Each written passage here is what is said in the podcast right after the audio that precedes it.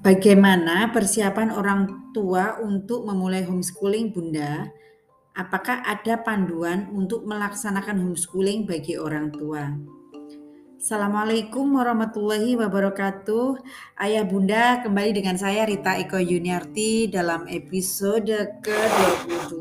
Insya Allah start episode ini saya akan bicara tentang homeschooling. Alhamdulillah saya diberikan Allah kesempatan untuk homeschooling suka-suka dengan tujuh anak saya. Semoga dengan uh, beberapa podcast ke depan ini sekitar mungkin 7 sampai 10 podcast ke depan kita akan bahas homeschooling dari A to Z-nya. Oke, sesi pertama kita akan bahas uh, apa yang harus dipersiapkan orang tua ketika akan memulai homeschooling. Jadi sebelum persiapan saya akan menyampaikan dulu definisi secara sederhana ya ayah bunda. Jadi uh, sekolah itu ada beberapa pilihan gitu. Yang pertama sekolah formal, misalnya SD, SMP, SD negeri, SD swasta, SDIT, kemudian ada pesantren gitu ya Kemudian ada pilihan homeschooling yaitu sebagian besar orang memahaminya bahwa homeschooling adalah memang sekolah di rumah atau sekolah yang tidak menginduk ke pesantren maupun ke sekolah formal tadi yang saya sebutkan di depan. Homeschooling ini ada beberapa macam. Yang pertama adalah homeschooling mandiri. Maksudnya adalah homeschooling mandiri, orang tua dan anak secara mandiri belajar di rumah. Kemudian yang kedua homeschooling berbasis komunitas yaitu uh, para orang tua pelaku homeschooling berkomunitas menjadi satu untuk saling support, kemudian saling memberikan uh, berbagi resources untuk uh, mereka saling mengajar antar satu sama lain gitu ya, saling memberi support kepada program-program pendidikan anak-anak mereka. Dan yang ketiga itu adalah format saya yang saya pakai sekarang adalah homeschooling suka-suka atau sekolah suka-suka ya kalau definisi saya sekolah suka-suka adalah eh, anak-anak uh, ingin belajar apa itu yang kita belajar pada tahun itu. Secara sederhana begitu ya. Nanti akan lebih lanjutnya uh, di podcast berikutnya. Nah ada juga istilah seperti unschooling tidak sekolah atau deschooling putus sekolah atau apa berbagai macam. Kita fokus pada homeschooling gitu ya. Nah uh, dari definisi homeschooling ini yaitu pendidikan yang di yang diasuh oleh orang tuanya gitu ya. Saya mempunyai uh, satu kata kunci yaitu bahwa uh, ketika orang tua ingin memulai homeschooling maka orang tua harus siap untuk merancang pendidikan anaknya sesuai dengan roadmap pendidikan setiap anak. Jika misalnya punya tujuh anak maka akan mempunyai tujuh roadmap yang berbeda. Karena bisa jadi kalau sekolah uh, formal umum kan urut nih TK, setelah itu SD, itu SMP, SMA, kuliah, SD, TK udah ada kurikulumnya, misalnya apa bermain, membaca, menulis, nanti SD juga ada kurikulumnya, SMP ada dan seterusnya. Nah, ketika homeschooling maka uh, orang tua mempunyai kewajiban merancang pendidikan anak sesuai dengan roadmap pendidikan setiap anaknya. Karena kita tahu setiap anak berbeda, maka ini lebih personalize, maka sekolah suka-suka ini lebih personalize gitu ya, lebih sesuai dengan apa yang dibutuhkan anak, apa uh, yang ingin dicapai anak dan sampai di tahapan mana anak-anak kita belajar. Maka akan ada yang namanya merancang pendidikan anak. Nanti saya juga akan terangkan tentang uh, merancang pendidikan itu seperti apa. Nah, secara global uh, apa persiapan uh, homeschooling untuk memulai homeschooling bagi orang tua, yang pertama adalah persiapan mental, tenaga, waktu, dan pemikiran.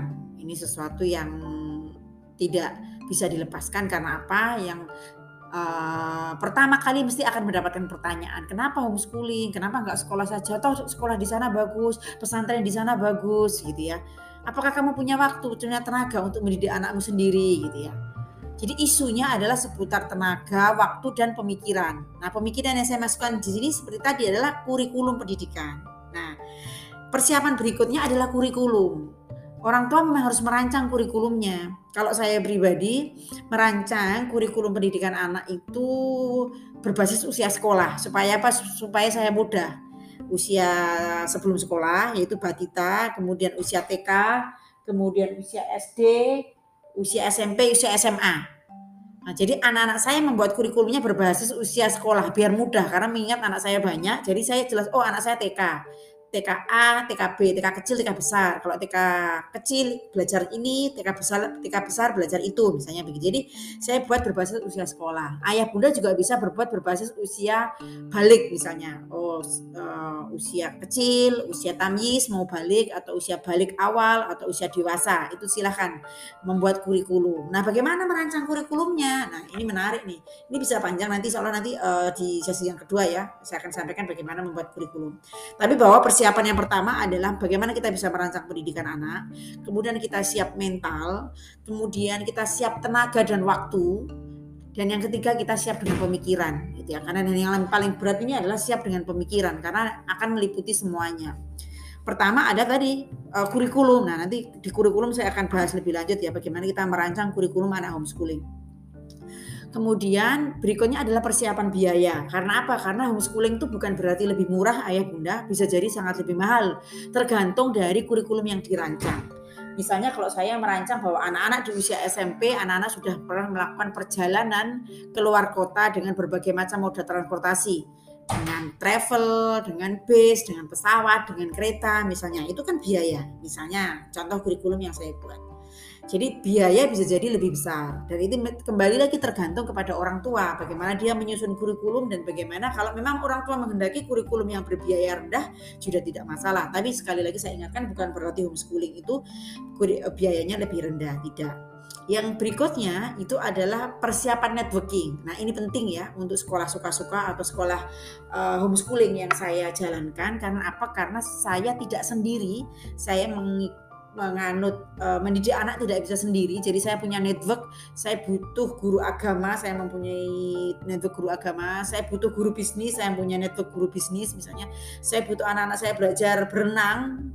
Uh, saya punya network guru berenang misalnya seperti itu. Jadi networknya tidak networkingnya tidak hanya guru gitu ya, tetapi juga banyak network. Nanti saya akan bahas lagi juga seperti apa peranan networking bagi homeschooling anak-anak di rumah gitu ya. Nah, itu beberapa persiapan ya ayah bunda yang memang uh, perlu disiapkan oleh orang tua. Nanti per poin akan saya bahas di setiap satu podcast. Jadi ini uh, Kemudian pertanyaan apakah ada panduan bagi orang tua untuk melaksanakan homeschooling? Saya jawab tidak ada ya karena memang orang tua membuat panduan itu sendiri.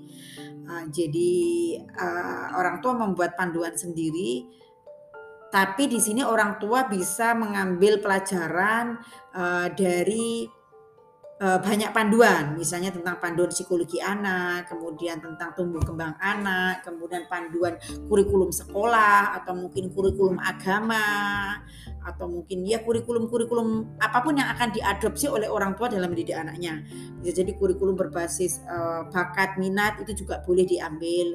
Uh, kurikulum berbasis skill dan kompetensi juga boleh diambil. Terserah kepada orang tua bagaimana dia akan membuat panduan itu sendiri. Kemudian nanti juga saya akan bahas di episode berikutnya terkait dengan ijazah. Itu juga nanti akan saya bahas. Juga ter, juga tentang menjaga stamina orang tua, kemudian tentang lembaga homeschooling nanti juga saya akan bahas. Juga tentang skill dan kompetensi. Pada podcast podcast berikutnya ini ada lebih dari ya, hampir 10 pertanyaan seputar homeschooling ya. Jadi di podcast yang pertama ini uh, semoga sudah menjawab ya ayah bunda bahwa kita memang butuh persiapan yang matang ketika akan homeschooling apakah homeschooling berat saya jawab tidak karena apakah itu homeschooling, apakah anak sekolah di uh, lembaga formal atau ke anak sekolah di pesantren, itu semuanya sama beratnya, gitu ya. Tinggal bagaimana kedua orang tua itu bisa berdiskusi. Oh ya satu lagi untuk homeschooling uh, ayah dan ibu harus satu pendapat ya. Tidak bisa kemudian ayahnya jalan sendiri atau ibunya jalan sendiri karena memang uh, ya butuh kekompakan antara ayah dan ibu untuk memastikan kurikulum pendidikan anak ini berjalan yang baik begitu ya. Oke, semoga cukup menjawab. Nanti akan saya lanjutkan ke tentang uh, episode kedua tentang bagaimana menyusun kurikulum homeschooling.